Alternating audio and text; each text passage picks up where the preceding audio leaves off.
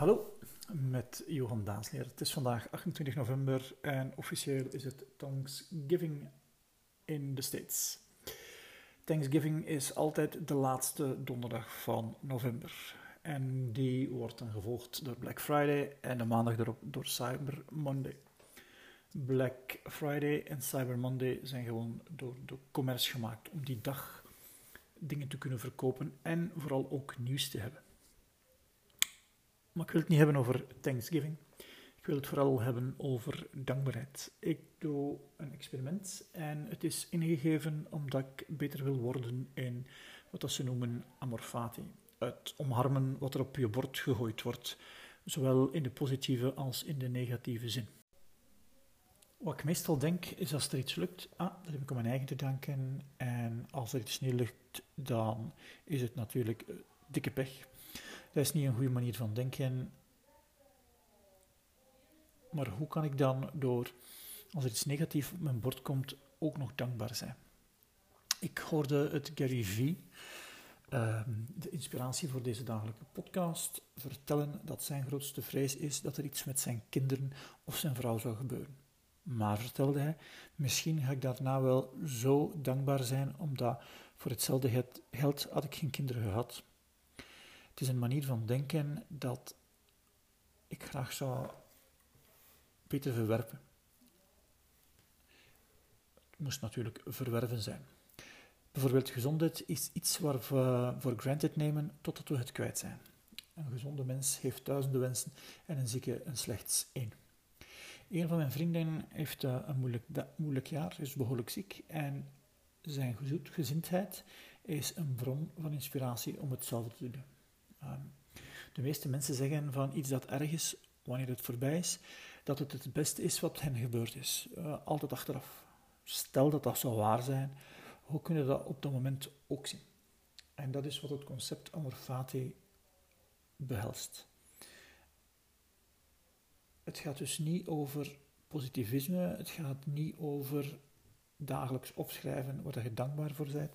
Het gaat eten over er gebeurt iets en hoe kan ik daar dan uh, dankbaar over zijn in het moment.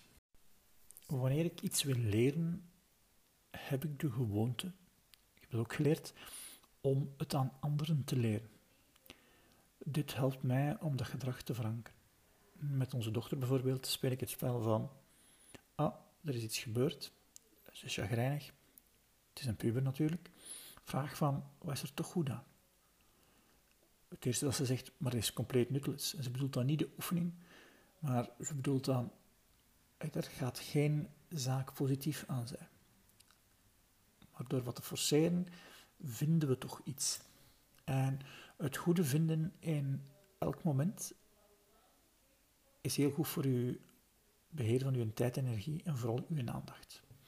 Het heeft een aantal gevolgen. Het eerste is het voedt uw creativiteit. Ehm, wanneer dat je meerdere vaardigheden tegelijk traint, altijd een voordeel. Het voedt je creativiteit omdat je gaat nadenken. Oh, hier vind ik niks goed in, maar je kan toch iets bekomen. Tweede, je apprecieert feedback veel meer. De reactie op iets is feedback. Ook ga daarmee om. Derde, de labeling van iets geeft betekenis. En waar de groep focust, wordt natuurlijk groter. Het is een bril dragen waarin hetgene wat je wilt zien, meer gaat zien.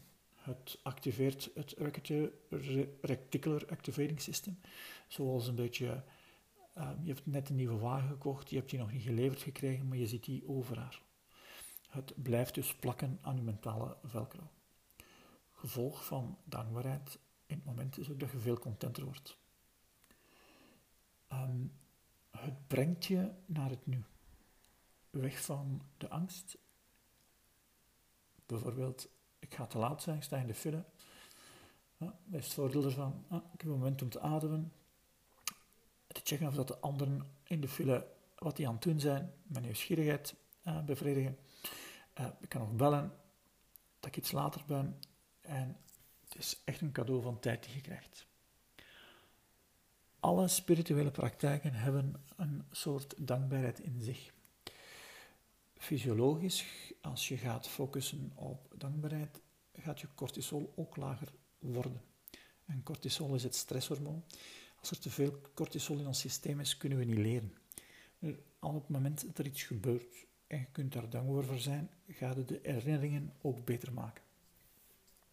Voilà, dat was het voor vandaag. Je gaat nu nog een belletje horen. En dat belletje gaat de vooraankondiging zijn van de tekst die Anchor erbij plakt, om je te overtuigen om zelf een podcast op te nemen. Ik zal dat zeker doen, want podcasten is een manier, een, een manier om skills te testen. Ik test momenteel, of ik verbeter momenteel de skill om niet meer uh, te zeggen wat dat in deze podcast niet gelukt is. Tot morgen.